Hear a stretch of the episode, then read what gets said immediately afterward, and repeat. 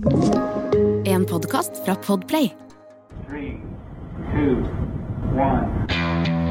When liftoff. One, two, three, four, five, five, four, three, two, one. Enter bed. Okay, we checked all four systems, and there you go on modulation, all four, and keying with a go. Quality base here. The Eagle has landed. Dette er veldig gøy. Eh, du Selvfølgelig er det det. Det er jo romkapsel. Det er jo som regel det. Um, Eirik Som regel? Ja, okay, da. Ja, altså, det er noen ganger så er Men altså, Jeg vet hva okay, du mener. Ja, ja. Så, Jeg, tenker på de samme sendingene som deg. sett Ja, stort sett. så er det det. Men nå uh, er det a long time a coming. Uh, så er det da altså Det skal handle om eh, et tema som eh, vi har snakket varmt om, og vi har gledet oss over. Så derfor, eh, i studio nå, PI som en del av PSG fra FFI eh, og UiO. Eh, Radar Imager for Mars' eh, Subsurface Experiment, eh, Rimfax, eh, SEH. Svein Erik Hamran, velkommen tilbake, og for en glede å ha deg her igjen. Ja, Tusen takk. det er en veldig, veldig etterspurt uh, gjest du er, uh, Svein Erik. Det må jeg si. Det, er sånn, det har vært en gjenganger siden uh, vår forrige sending, så nå er det er nesten siden. halvannet år siden. Og så må det jo sies en ting her, da, og det er jo altså det vi så fram mot for halvannet år siden. Når dette tas opp, så er det faktisk nesten årsdagen for det som skjedde, nemlig landingen på Mars 18. Pokker, det er det. Det er faktisk det. Det er i Ja. morgen, faktisk, Ja. i forhold til dagens Ja, opptaksdato. det har du jomme helt Har dere, skal dere gjøre noe i forbindelse med jubileet? Ja, det blir en enkel feiring med amerikansk pizza. Ah, det er bra, vet du. Men, jo, jo, men det, altså, det, jo, det bringer oss jo rett i saken. og Det er, altså, håper å si, hvor skal feiringen foregå? Altså, er det sånn at eh, Rimfax, har det et eh, norsk kontrollsenter? Er det et sånt sted hvor dere kan samles? Ja.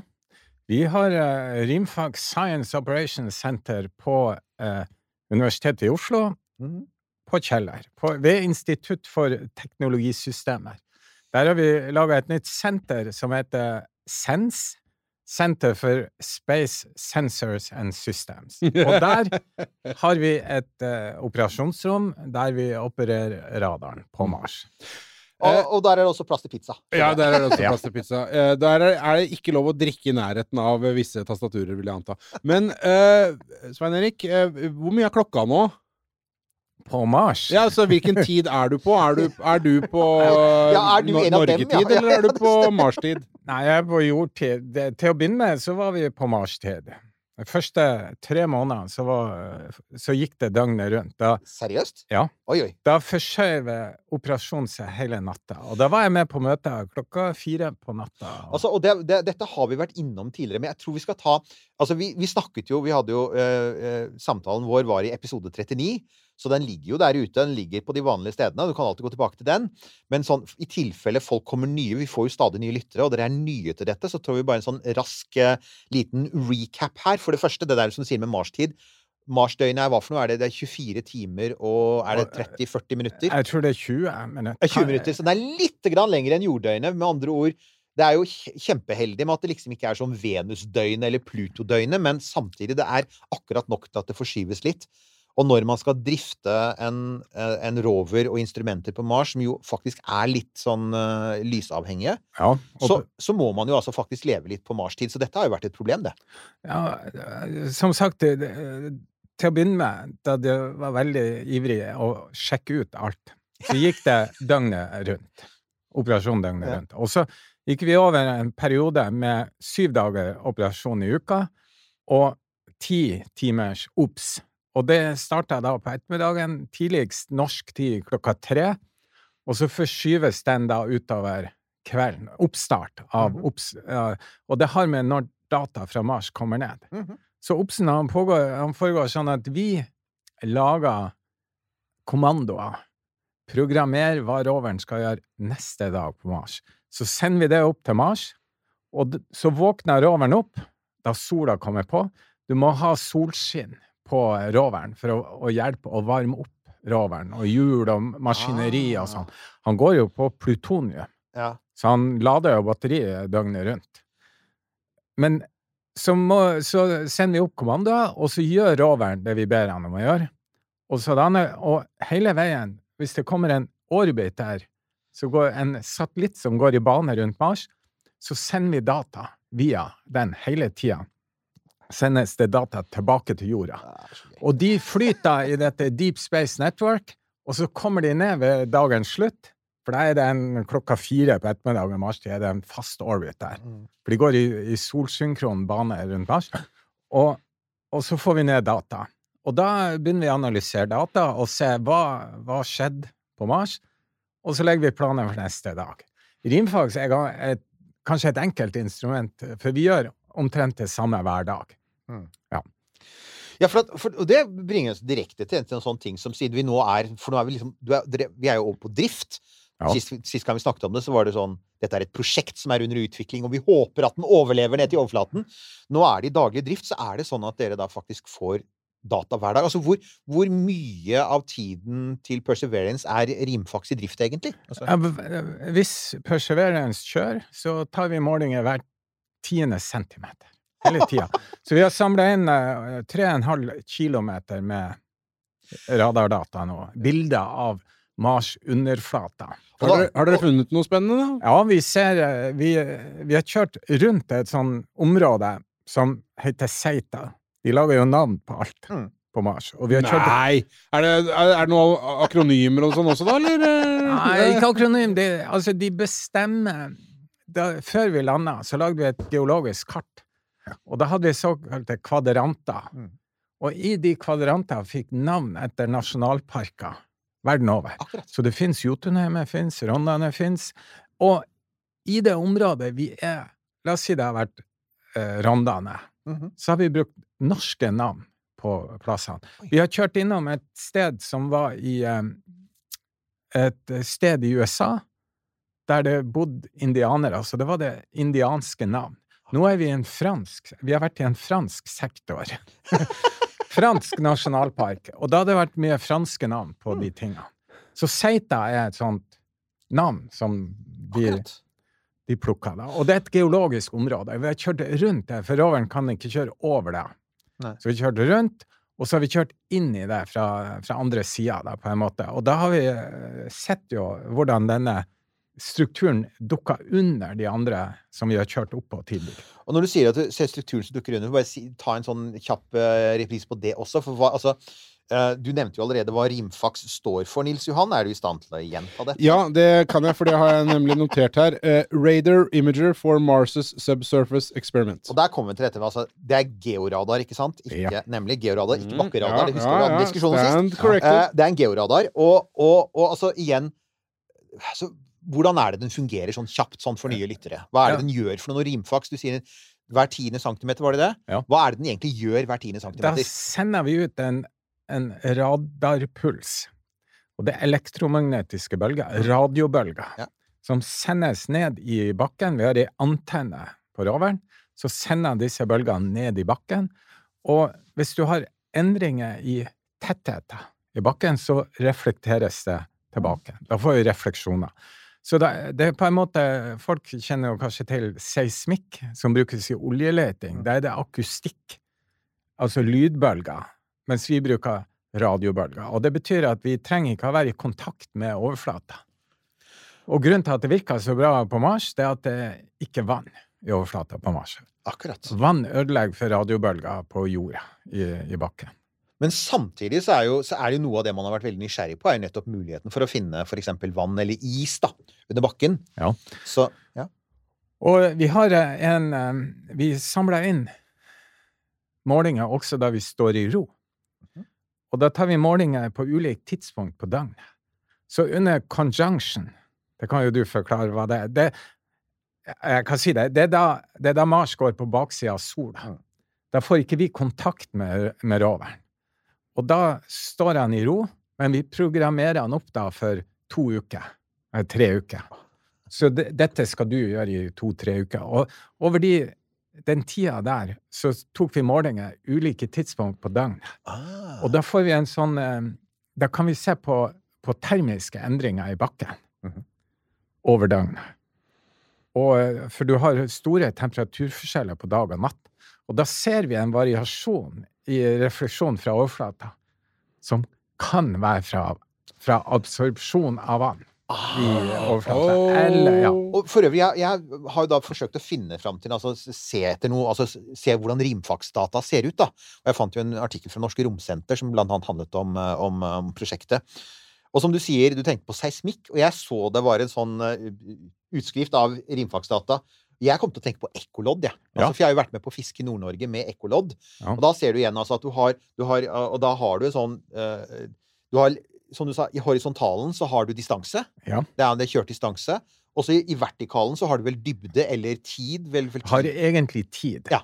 Og Men det er for signalet frem og tilbake, da, eller? Ja. Mm. Signalet frem og tilbake. Og så må vi måle Radiobølgene i luft går jo med lysets mm. hastighet, men i bakken så går de saktere. Så vi bruker ah, ja. instrumentet først til å, til å måle hastigheten i bakken. Mhm. Og det gjør vi ved å se på sånn punktreflekter, for da får vi en sånn hyperbol i bildet. Mm -hmm. Så bruker vi den til å bestemme hastigheten i bakken. Og ved hjelp av hastigheten så kan vi bestemme noe som heter permittiviteten. Som er de elektromagnetiske egenskapene til bakken. Og denne permittiviteten forteller oss noe om, om komposisjon og også tettheten i bakken. Den er direkte relatert til tettheten til til stein i bakken. Mm. Altså, hvor, hvor, dypt var det dere kunne se igjen? Altså, der, Det varierer. Mm. Der vi er nå, så ser vi ned til 15 meter. Mellom 10 og 15 meter. Wow. Og det, er, det har vært veldig mye diskusjoner om hvilken type geologi vi er. Men og jeg tror vi er i vulkanske bergarter. Det vil si i, og at det er, en, eh, ja, det er rett og slett magmatiske bergarter. Mm. De har mye større tetthet, og tapet er mye større der for radiobølger enn hvis vi har vært en sedimentær ja, for fordi, men altså, ja. fordi jeg, jeg uh, før, uh, før, du kom på vei hit, så, så hørte jeg på episoden forrige gang du var på besøk her. og da fikk du også det spørsmålet hvor langt ned forventer du å kunne se. Og da var du inne sa ja, 10-15-20, kanskje 50, kanskje mer. Eh, hvor, hvor, langt ned er det dypeste dere har kommet eh, til nå? Ja, det er 15 meter. Ja. Altså over de der eh, tre kilometerne som vi har kjørt. Det er omtrent samme type geologi. Men det er jo interessant, for at, altså, jeg, så det er 15 meter. Jeg husker når man snakket om altså, For dette, dette er jo Jezero-krateret, ikke sant? Sånn, og, og, en av de tingene som jeg husker NASA var veldig opptatt av å, å, å snakke om, om begrunnelsen for å, lande akkurat der, da. Det var vel blant annet for at det ser ut som et sånt elveutløp, ikke sant? Det ser ja. ut som et sted hvor det har vært rennende vann, og, og hva var det Et delta. Det er et elvedelta. Et elvedelta, ikke sant? Mm, ja. og, og, og, da tenker man jo, som du sier, eh, avleiringer, Eh, fra gammelt av, og da tenker man noe sedimentært. Men, men, men det, er, det, du sier nå, er at det ser mer vulkansk ut? Ja, for vi landa ned på eh, bunnen av krateret. Ah. Så vi er ikke Deltaet ligger eh, på kanten. Så nå skal vi kjøre Vi starta opp faktisk nå denne uka og kjøre så fort som mulig til Delta. Jeg bare elsker Vi kjører så fort som mulig. Det er på Mars, folkens! Ja. men, men, altså, hva er så fort som mulig for øvrig? Hvor, altså, hvor raskt uh, beveger man seg da? Ja, du kan jo måle i, i, meter per dag. Ja, nemlig. og vi, vi satte jo ny verdensrekord i å kjøre langt. Og det var 240 meter på, en dag. dag. På en dag. Og det var rekorder, og det satt to rekorder. Både lengste kjøretur på en annen planet og lengste autonome kjøretur. For, for, da du skal kjøre så langt, så, han, så starter du han med å, at du programmerer han hvor han skal kjøre. Mm. Men på et tidspunkt så når ikke kameraet, og da setter du han av gårde på autonav. Da tar han bilder, analyserer bildene, terrenget, og så kjører han for uh, selv. selv selvstyrende bil. Ja, ja. og det, dette er liksom litt, litt, sånn next level i forhold til sånn hvis du tenker sånn Tesla det, Ja, for det var, sånn. jeg tenkte umiddelbart sånn Tesla. Ja, ikke sant, for der snakker man om at du, du, tar et bilde, og så noen mikrosekunder etterpå så kan du prosessere det. Her tar, hvis, hvis, dette skulle vært behandlet på jorden, så tas det et bilde, og så et kvarter seinere så har du det, altså! Ja. Så det er jo helt det, det, sier seg selv at du kan jo ikke sitte med en, en joystick på jorda og fjernstyre. Altså du, du, hvis du skal kjøre med den hastigheten, da. Ja, det, det, er nok enklere å, å, å, kjøre en Tesla, for da følger du hvitstripa. Ja, det er det også tidligere. Men, ja, da, ikke sant? Og det er jo det de bruker. Tesla bruker de stripene på og, og jeg, jeg, har jo også sett bilder i det særlig Nå har de vel forbedret det på Perseverance, men vi vet jo at Curiosity har jo fått Den er jo fremdeles i drift, men den har jo fått noe voldsom slitasje på hjulene, blant annet på grunn av at de har kjørt over steiner og slike ting. Så jeg antar at man er veldig opptatt av det at altså, det er ikke bare det å ikke falle utfor kanten på et stup, liksom, men faktisk å unngå å belaste maskinen for mye. Ja. De, eh, det er områder de ikke kjører. Ja. Og det, eh, de bygde om nye, De har nye hjul på Perseverance. Ja. De eh, foretok en ganske stor test. Jeg har sett denne haugen med, med brukte hjul. Yeah. Så det de gjorde, de, de hadde en, en, et hjul, og så kjørte de i ring. Mm. Masse, masse ganger. Og så la de steiner. Da. Det er veldig spisse steiner på Mars. På grunn av De slipes av vind. Mm. Så det blir veldig eh, det, det er ikke vann. Det er ikke så mye vann. Det er vind og støv som, som lager over, overflata på Mars, og da blir det veldig spisst. Samme som på, på månen. Er jo kjent fra veldig Spisse, ja. ja, spisse ting som ødelegger utstyr og Mm. Men, men når vi er inne på det, altså øh, Den litt sånn mer pessimistiske siden av det. Øh, har, det støtt på noen problemer sånn for Rimfax sin del øh, siden oppstarten? Har det vært noe skjær i sjøen?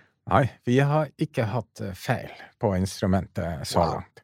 Og, og hvis du får feil, så blir det jo declared sick. Du blir erklært syk. Og det er mange instrument som har vært syke. Ja. Og hvis du blir syk, så må du gjennom en egen prosedyre for å få lov å, å bli skrudd på igjen. Ja, for vi hørte jo om uh, denne drillen og, og Ja, denne sample return-oppfyllingen av uh, disse de, Ja. Ja. dosettene, holdt jeg på å si, som, eh, som ikke gikk helt som det skulle på første forsøk der. Men eh, rimfaks, hei! Det er typisk norsk å være god, vet du. Ja. Så det går bra. Men igjen, altså, tilbake til dette her med, med, med, med, med, med måten dere jobber med dette på. Sånn at eh, så, så dere får altså nye data hver dag, og dette det hentes da ned i, i kontrollsenteret i- på, på Kjeller, er det sånn? Ja, det vi, ja. Det, eh, de kommer da fra Mars via, deep, via Deep Space Network Ja. og havner på en server på JPL. Ja. Og, og alle verktøy som NASA JPL har lagd, er, virker online, virker Ja. i, i en nettleser. Det vil si at du kan bruke en hvilken som helst PC, egentlig. Mm. Nå må vi ha logge oss på to ganger med sånn VPN, og vi må ha noe Det er en sikkerhet for å komme inn på de nettverkene der. Men, og da, da Så vi kjører faktisk eh, programvaren vår, såkalte quicklooks, det første, bare for å se på de første bildene under operasjonen, det kjører vi på serverne til NASA. Da har vi lagd software som kjøres der. Men for å gjøre nærmere analyse, så laster jeg de ned til min egen PC og analyserer eh, Mm. data der. Rett og slett. Ja. Og da, som du sier, analyserer data, da er det sånn at har du da noen sånne spesielle programvareverktøy? Altså, men, men anta først så er det jo bare en sånn visuell inspeksjon, ikke sant? Altså du, for igjen, hvis du ser på det, så ser det ut som du sier sånn seismiske data, eller Ja. ekkolodd med, med, med mørkere og lysere striper i et sånn vertikalt plan, ikke sant? Og så, Ja. Og så kan man da liksom dømme litt ut fra det. Altså, jeg antar at er det mørkere, er det høyere tetthet, eller noe sånt? Er det det vi Eh, eh, Refleksjon. Det er, en Refleksjon, endring, det er en endring i tetthet. Ja, permittivitet. eh, Permittiviteten. Der var det permittiviteten. Ja. Det må vi bruke mer Som, ordet. som egentlig høres ut som noe helt annet. Men ja! Uh, ja men, altså, og så tenker jeg, du sier For øyeblikket så ser dere altså vulkansk materiale, uh, antagelig. Men, men altså, nå er det jo altså Perseverance er jo på vei. Den på, og den er ikke planen at den skal kjøre oppover mot elve... Altså opp mot elvedelta, og etter hvert opp gjennom opp på, altså opp på kanten av krateret. Jeg, Ja. jeg har sett noen figurer der. Ja. Det, nå, nå har vi jo operert på såkalt uh, kraterbunn. Crater Floor Campaign har vi kjørt. Crater Floor Campaign. Det er bare så kule navn. Det, det er det vi har kjørt nå. Og nå skal vi ha en såkalt drive campaign og kjøre fra og Vi er snart tilbake på landingsplassen. Ah, Octavia i Butler landingsplass. Mm -hmm. og, og skal vi kjøre rundt dette området som vi ikke får lov å kjøre over, og så skal vi kjøre inn til Delta. Og vi kommer til å være ved Delta i april. Er vi ved Delta. altså i i år? Ja. I år, ja. Ja. Og da begynner vi en ny kampanje som starter med å studere dette delta. Og ved, om ett år, altså to år så skal vi være oppe i toppen av delta. Du vet hva dette her betyr, Nils Johan? Ja, det, ja, ja, Det ja, ja, og, du vet hva lytterne kommer til å si? Kan han Ja, komme tilbake om et år? tilbake om et år. Ja, ja, ja. Det- Selvfølgelig. Så, det- jeg er bare, nå, så nå er bare helt i starten, egentlig, nå. Ja, og vi skal kjøre på, på Mars. eh, på, eh, Curiosity har jo kjørt i ti år, og vi skal også kjøre i ti år hvis den virker. Og, og, nemlig, og Rimfax er bygd for å vare i ti år, ikke sant? Ja? Den, så, den, så lenge den For den, den har for at, altså, hvis du, altså, sånn, vi har ikke noe bevegelig det var det jeg tenkte å si. Det er ikke noe sånn eh, tannhjul eller noe sånt noe. Det er. Det, det er klart, det er andre instrumenter, som um, har lasere, de har et endelig antall skudd. Ja. Laserpulser de kan eh, sende ut, sånn som Pixel. Der teller de pulser. Mm. Ja. Og da må de posisjonere ut instrumentet Ja. underveis, Ikke sant? under operasjonen. Og, og, og drillen er jo Ja, akkurat ikke det minst, samme. herregud, drillen. Drillen har jo bare Jesus, x antall den- beholdere. Ja. Uh, og alt som har jo selvfølgelig sånn, alle kameraer og sånn som skal kunne snus, altså der er det jo faktisk kuldelagre og altså, Der er det jo mekanisk bevegelse, Ja. så det må man jo også ta høyde Og som vi vet, så har jo drillen eh, en, et mindre kammer enn den har. Uh, for det funka jo ikke så bra. Ja. Så det er ett mindre. Men, men, men en Nei. kan man kjøre. Nei, den første samplet, det, det ble tatt, det, altså. Og da ble Ble det. det det, ja? Ja. Åh, så bra. Og det kalles atmosfæresampel. Det er sampel av atmosfæren. på Ja, men det er jo, det er jo viktig å holde på å si nødvendig. Det er jo det. Ja, men det er vitenskapelig Ja, interessant. Ja, ja, ja. Men sånn by the way, det er jo en sånn ting som sikkert mange lurer! Um, ja. Det er Her, her er en ting som sikkert mange lurer på, det er jo dette med Jeg lurer på det, og det er Har, har eh, Ingenuity, altså eh, dronen, betydd noe for dere? Har, har det vært til hjelp for dere med rimfax? Altså dette for at det man har sagt, er jo at den har jo fløyet mye mer enn man hadde håpet på, som er veldig bra. Det, det må sies, da. JPL er ofte der. De setter seg noe sånn De setter seg sånn noen, noen minimumskrav, og så pleier de å sprenge seg gjennom en sånn blast through it. Men det har de gjort med, med dronen. Og, og, og, og den ja, den er vel fremdeles med, er den ikke det? Den henger Ja, jo. den, eh, den er fortsatt liv i, og vi kan fortsatt kommunisere med den og fly den. Ja. Så nå skal den fly eh, Jeg tror den flyr rett og tar en shortcut Ja, den kan jo det, da. Det er en av fordelene. ja. Og så eh, jeg vil håpe at den skal plukkes Mm. opp igjen seinere. Men det har vært Det var jo et ganske enkelt kamera om bord Mm. som tok bilder da den fløy. Men de er brukt til å lage 3D-modeller Mhm. Av eh, For det, du kan sette de sammen. Så de har, de har vært brukt de, altså, til, Mm. i vitenskapelige formål. Å se på området fra et annet perspektiv enn roverperspektiv. Ja, ikke sant? Og det er sånn så igjen, altså dette her med å, å nettopp det med å kunne å navigere seg gjennom et tross alt veldig ulendt terreng, hvor det aldri noensinne har kjørt noe før, som vi vet om i hvert fall. og, og, og nettopp det å, å kunne liksom sånn se over horisonten og si ok, hva ligger foran? Du kan jo, nå gjør man jo det også basert vel på bilder fra rommet, men allikevel å ha dette bakkeperspektivet og høyere oppløsning og alt det der, er vel Ja. helt sikkert en fordel. det, det er jo en teknologidemonstrator. her. Ja. demonstrerer at teknologien virker. Og, og de søkte jo om å, å være med som et instrument. Mm. Sam, sammen med rimfags og alle andre, men de ble ikke valgt ut. Nei. De var ikke vitenskapelig eh, nok verdi. Nei. Men eh, så ble de jo bygd av JPL. de kommer på sånn derre flashkvote. Sånn Ja, de kommer på egen sånn kvote. Show-off ja. show-off-kvota Ja. der. Men eh, altså, det kan hende at det er litt for tidlig å si, eh, Svein Erik, men, men er for deg er eh, Mars blitt mer eller mindre spennende det siste året? Syns det er blitt mer spennende. Altså, det var jo ganske stor eh, spenning før vi landa, må jeg si. Nei Ja, la, oss- la, la oss spole tilbake ca. et år, for det var akkurat det. Ja. Altså, Vi hadde jo livesending, og vi oppdaget jo massivt trøkk. Vi syntes jo det var kjempegøy. Ja, ja, Men vi, vi, vi så jo at dere også var på med live på NRK. Eh, ja, altså Holdt på å si Hvordan føltes det? Det? Var det min tur til å stille det Ja. dummeste spørsmålet av alle? Altså, når, for at du, du, altså, det var jo den der forsinkelsen i dette her med at du ikke Altså, ja. Du visste ikke, men eh, du merka ikke forsinkelsen. Nei. Nei. Du lever det, du lever i den tida som er syv minutter etter eh, virkelig tid på Mars. Da. Og jeg satt jo på kontoret mitt og fulgte med på en sånn JPL-sending, da. Mm. Der, eh, så jeg hørte jo litt andre kommentarer, kanskje, enn det som kom på, på NASA-kommentarene, da. Men det var jo eh, Nå greier jeg ikke å huske. Det var Ja, det var Jeg tror det, det vi skulle høre, var 'touchdown confirmed'.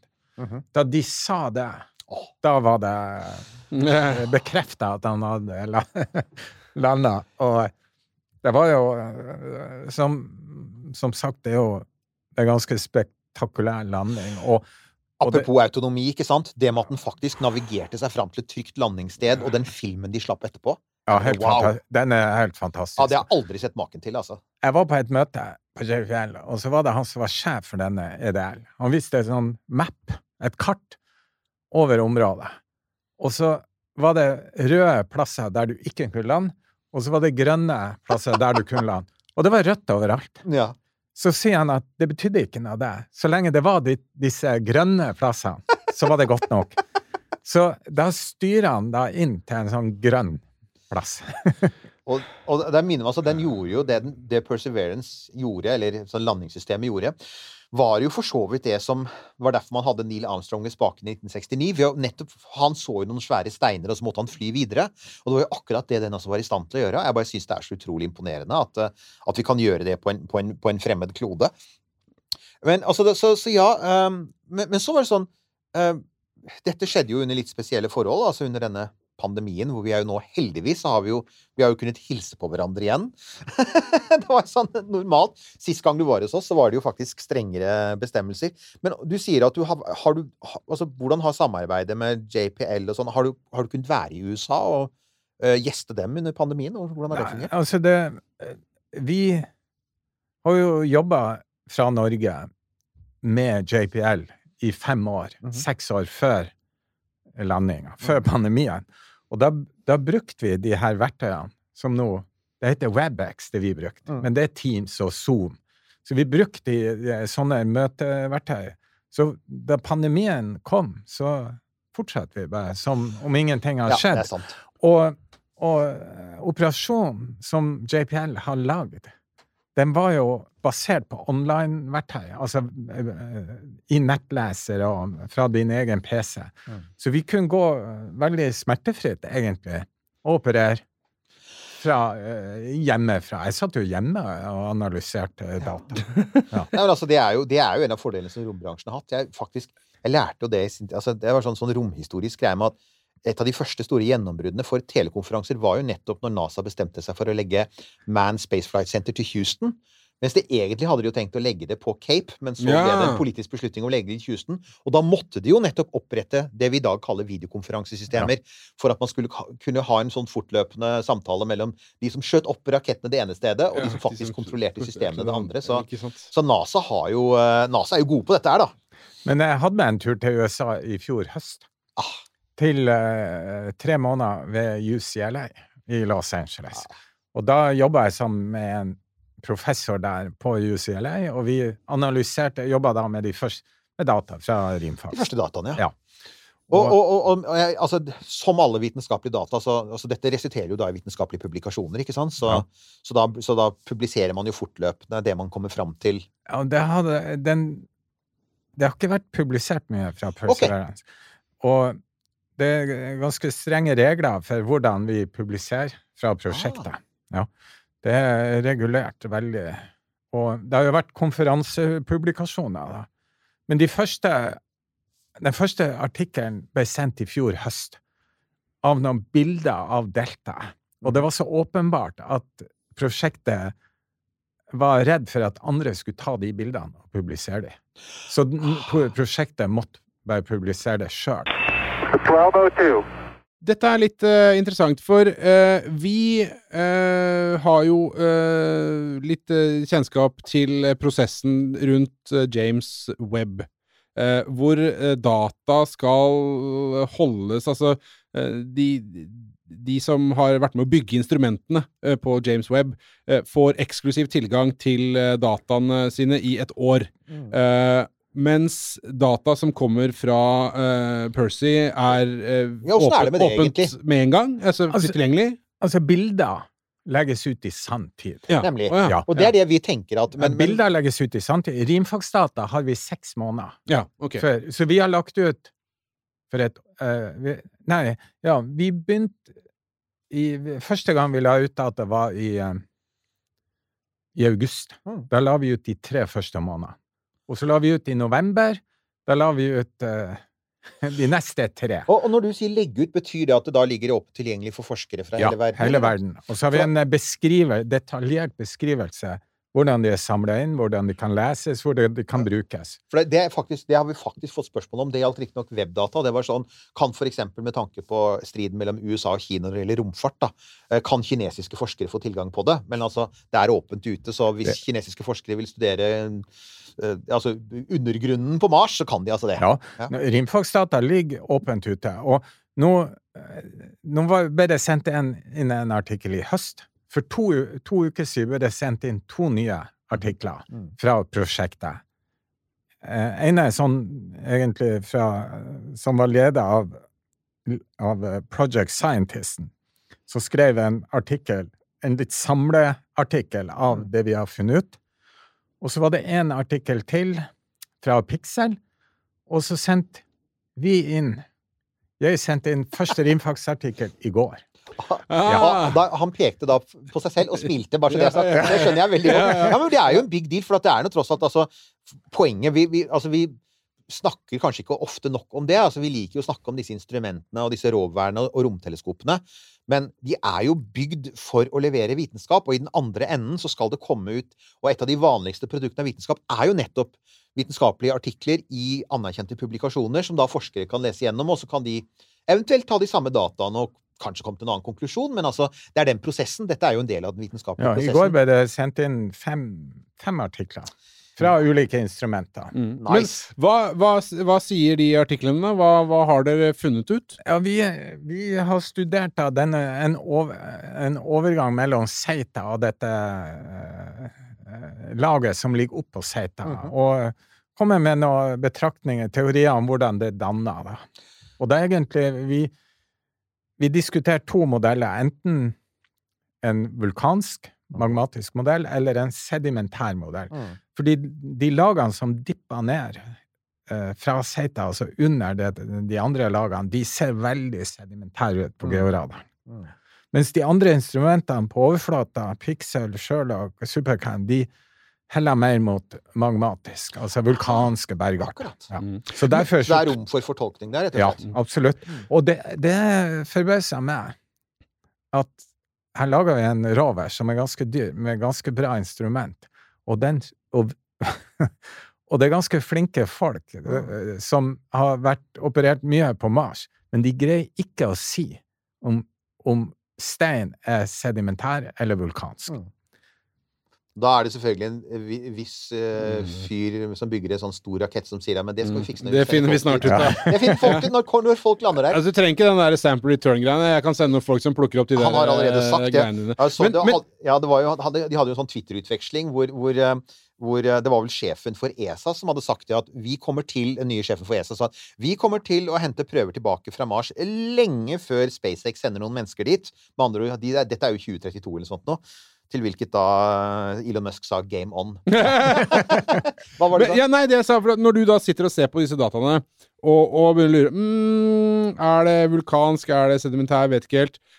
Kjenner du da en sånn at det, det begynner å liksom klø litt i fingra for å få et eh, bor ned der og, og kikka på det? Jo, jo, altså vi eh, det, Akkurat der vi er nå, så blir det nok ikke noe avgjørelse før eh, om ti år, før samplene kommer tilbake. Ikke sant? Det er da vi får eh, vite 100 Ja, for det er det. For det er det, Ja, er eller eh, tar- folk, da. Det, Ja, ja, ja. Nei, men jeg, jeg begynner å lure litt på om ikke han ESA-sjefen har rett. Ja. Men uansett, kjør debatt i kommentarfeltet. men, altså, det, men dette er jo altså, Så det er jo en pågående prosess, og som du sier, dere er jo på vei inn i et nytt område som kan gi litt nye Altså hvor skannene kan komme til å se annerledes ut. Ja. Uh, og, og, og, altså, holdt på å si hva vil den viktigste forskjellen når du ser på dataene? Hva vil den viktigste forskjellen hvis, Når vil dere plutselig si Oi, her kan det f.eks. være mer sedimentært, eller her kan det til og med være mer fuktighet under? Hvordan vil det Ja, Det, det okay, ofte et tegn på sedimentære lag er såkalt uh, skrålag, crossbedding.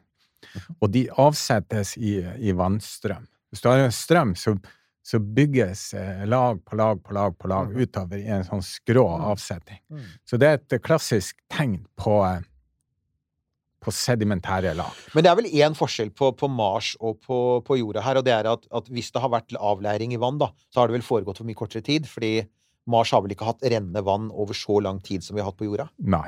Og, og det er jo enkelte som tror det aldri har vært mye vann. Mm. Jeg har sett Og- dem, jeg òg. Og, den er, og det er en diskusjon, dette krateret.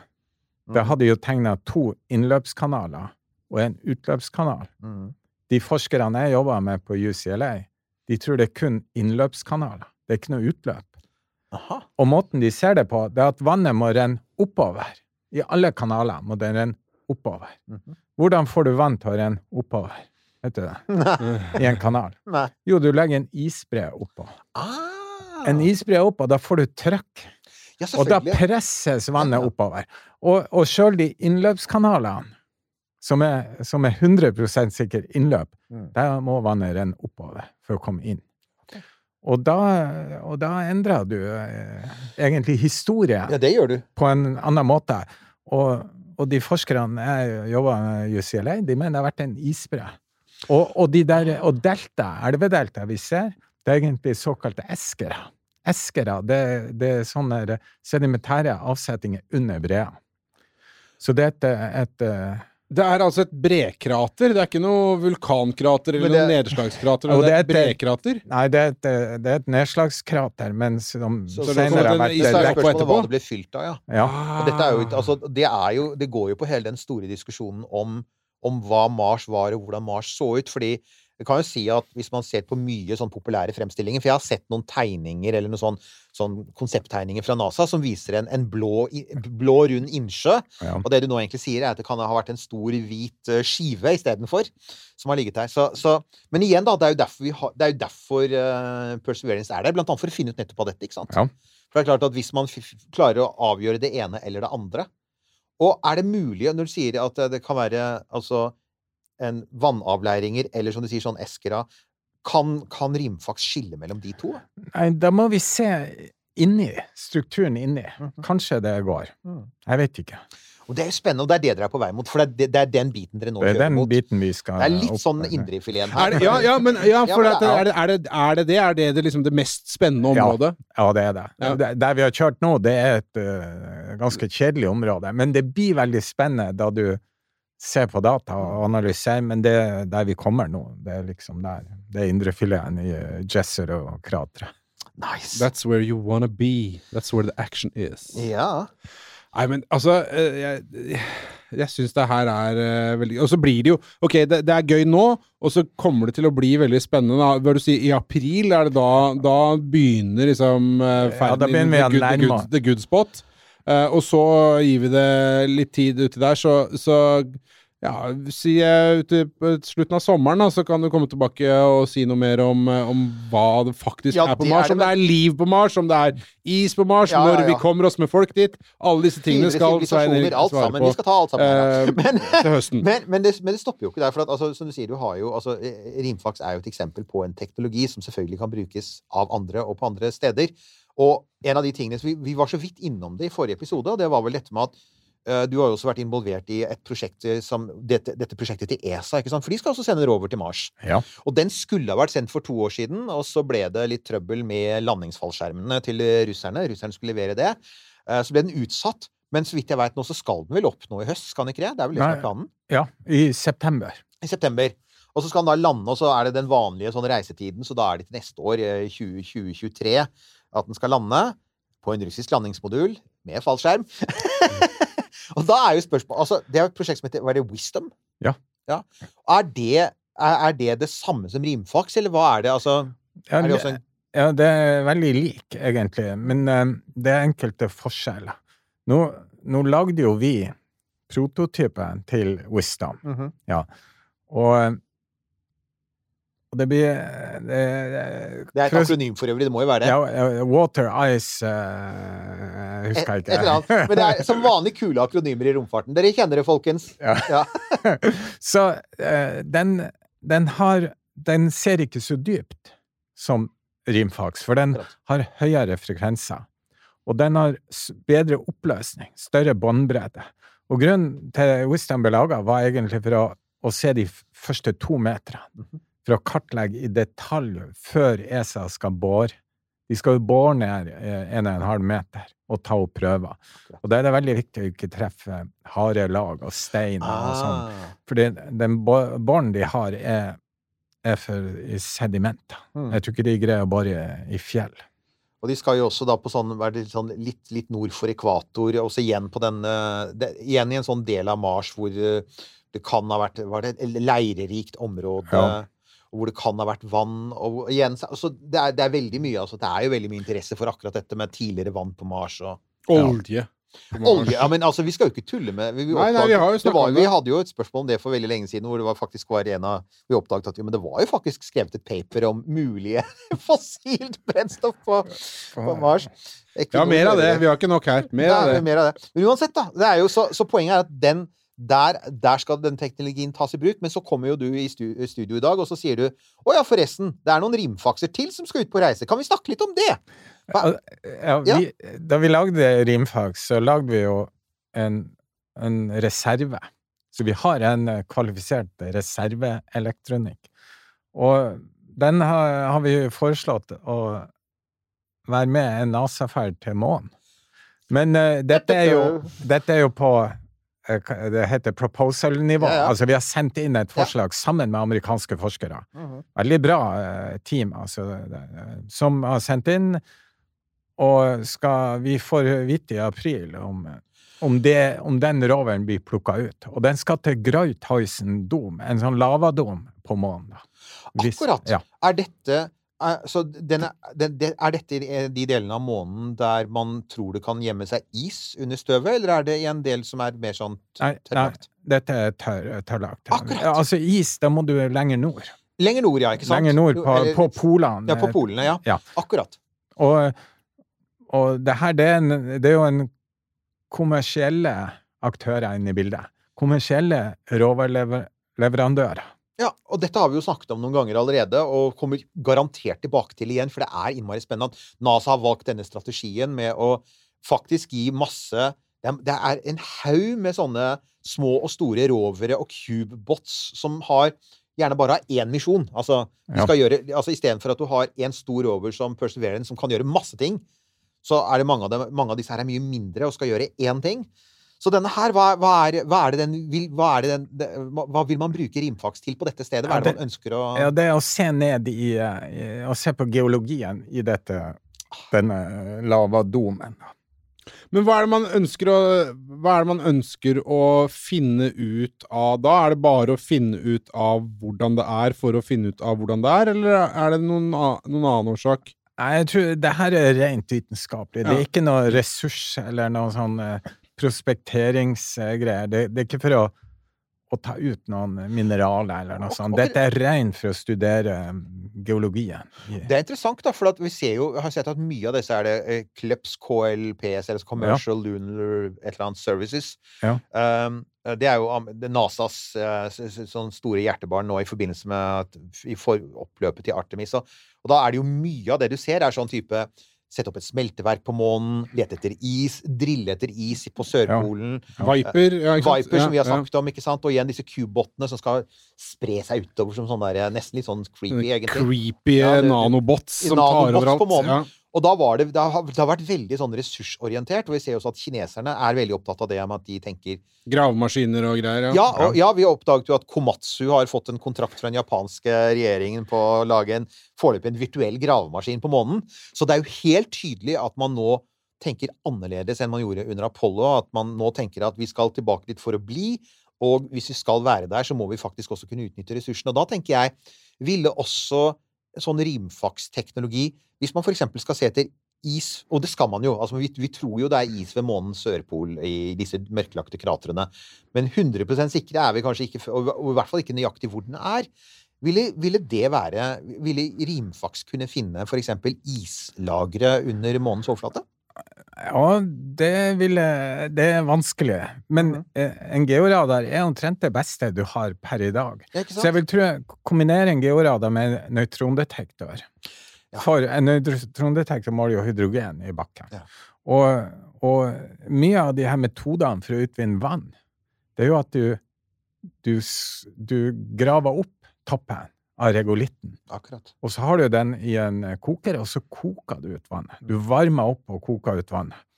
Og da er det viktig at den ikke er for hard, regolitten, og hvor, hvor dyp den er. Mm. Dette, eh, dette området som du skal ta ut is på. I hvert fall på Mars så er jo vannet i, i leirmineraler ofte. Mm. Ligger i, i eh, absorbert i mineraler. Men månen har jo ikke leire, så det er jo en mer is i bakken.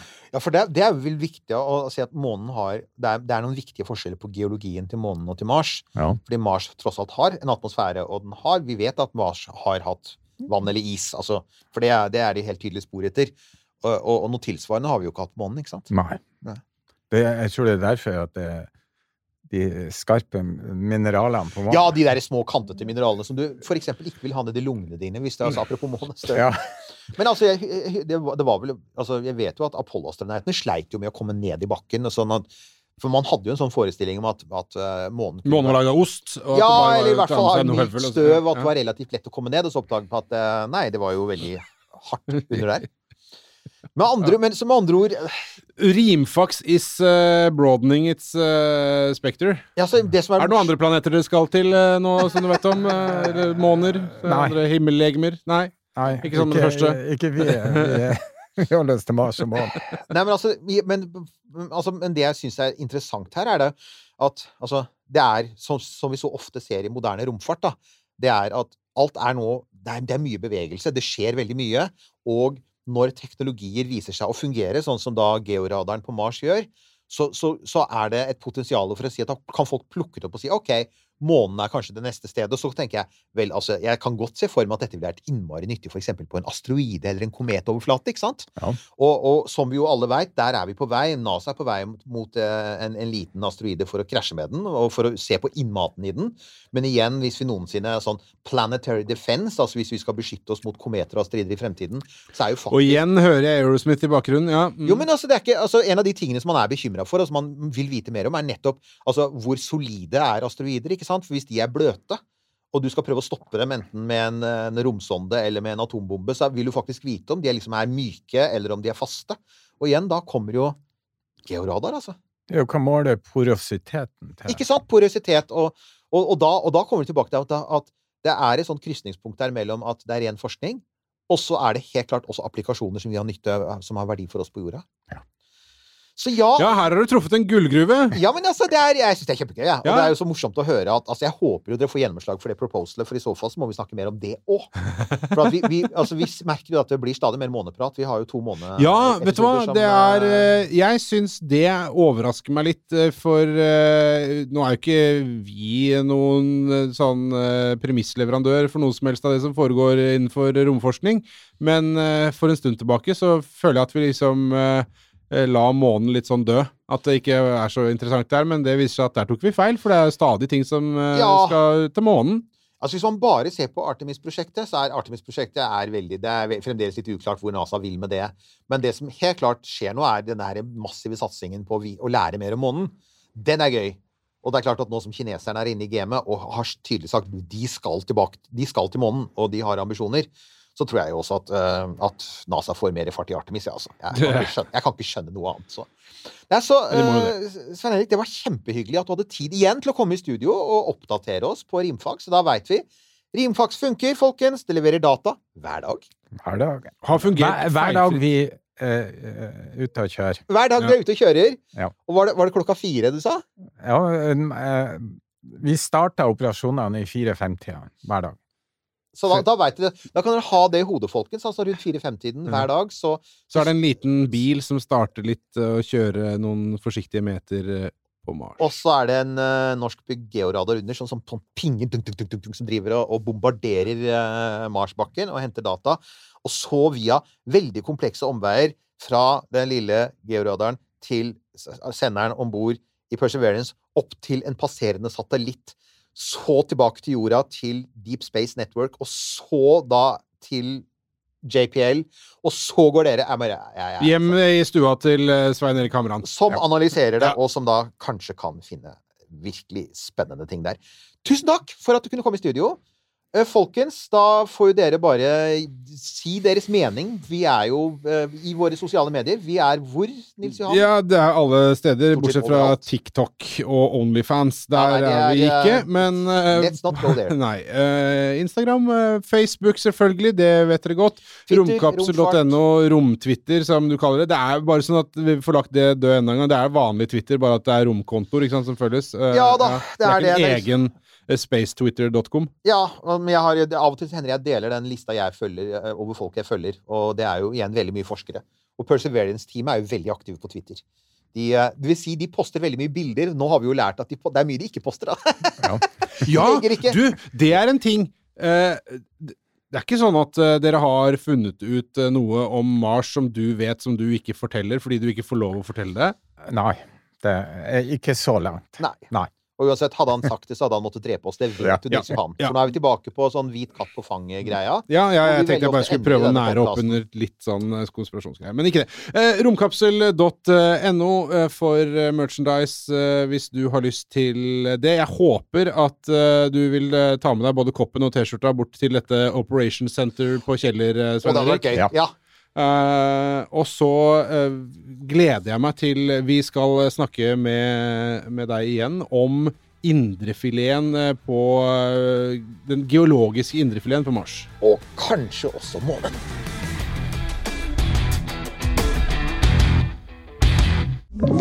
Du har hørt en podkast fra Podplay. En enklere måte å høre podkast på. Last ned appen Podplay, eller se podplay.no.